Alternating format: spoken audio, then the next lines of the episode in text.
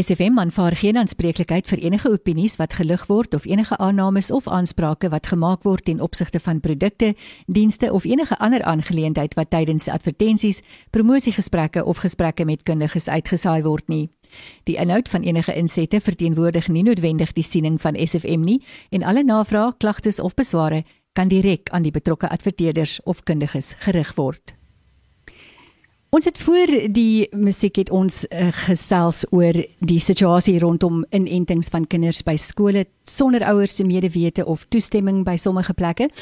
Ons gesels nou met Paul Hoffman SC, direkteur van Accountability Now en ook outeur van die boek Countering the Corrupt. Good morning Paul. Good morning to you Kathy and good morning to your listeners. Thank you for the opportunity. Paul, Uh, the question that we'd like to pose to you this morning what is the position of the persons uh, who are concerned about developments around vaccination in schools? We have, just before the music break, we've uh, put our listeners in the picture. There was a Facebook post where a parent was really concerned about the fact that uh, her children were informed in school that they did not have to tell their parents and that they had to right, uh, had a right to take the vaccine should they prefer to do so. They didn't need permission, and then they were asked to put up their hands and say whether they want to be vaccinated or not. What is the situation?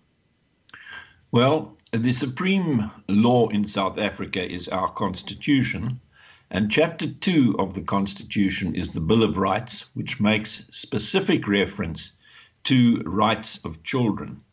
Children are defined as people under the age of 18 years in uh, Section 28 of the Bill of Rights. And Section 28.2 says that a child's best interests are of paramount importance in every matter concerning the child.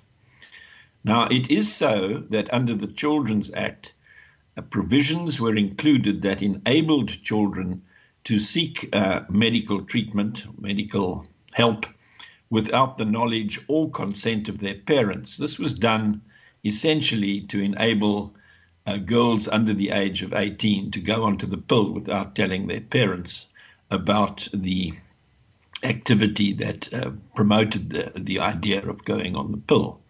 It certainly wasn't um, um, put on the statute book in order to enable the authorities to undermine the guardianship of parents or to substitute informed consent to medical treatment um, in, in, in a manner that undermines the best interests of children. Now, if there are any parents out there who do not wish to have their children um, vaccinated against COVID, they ought to give the, the children a note that says, in this family, we have a decision not to vaccinate, and our child has gone along with that decision and will not be participating in any rollout of vaccines at the school. Uh, children themselves are, are, are hardly likely to be able to give informed consent to the uh, administration of the vaccine that administration is indeed an, an, an assault in the sense that you take an injection. Your bodily and psychological integrity can be affected by that. Your right to life may be affected by it. In the in the absence of the vaccine, some people will uh, contend that you are putting yourself at risk or putting others at risk. I don't think too many children die of COVID, according to the statistics. But to give informed consent suggests that the child should understand the intricacies of taking the vaccine or refusing to take the vaccine, uh, the effect that this will have on their entitlement to go onto a campus at university, for example. It seems, I know that Rhodes University has just created a, uh, a regime in terms of which anybody who goes onto the campus, be it staff, student, or visitor, has to be vaccinated. So the campus is becoming uh, a, a place where unvaccinated people are not allowed to go.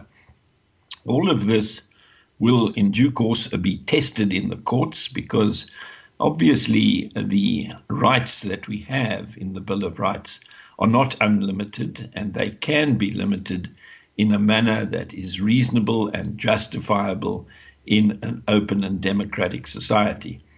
Whether or not uh, um, resistance to vaccination is a, a, justifiable response is a question of uh, medical evidence that the court will have to consider.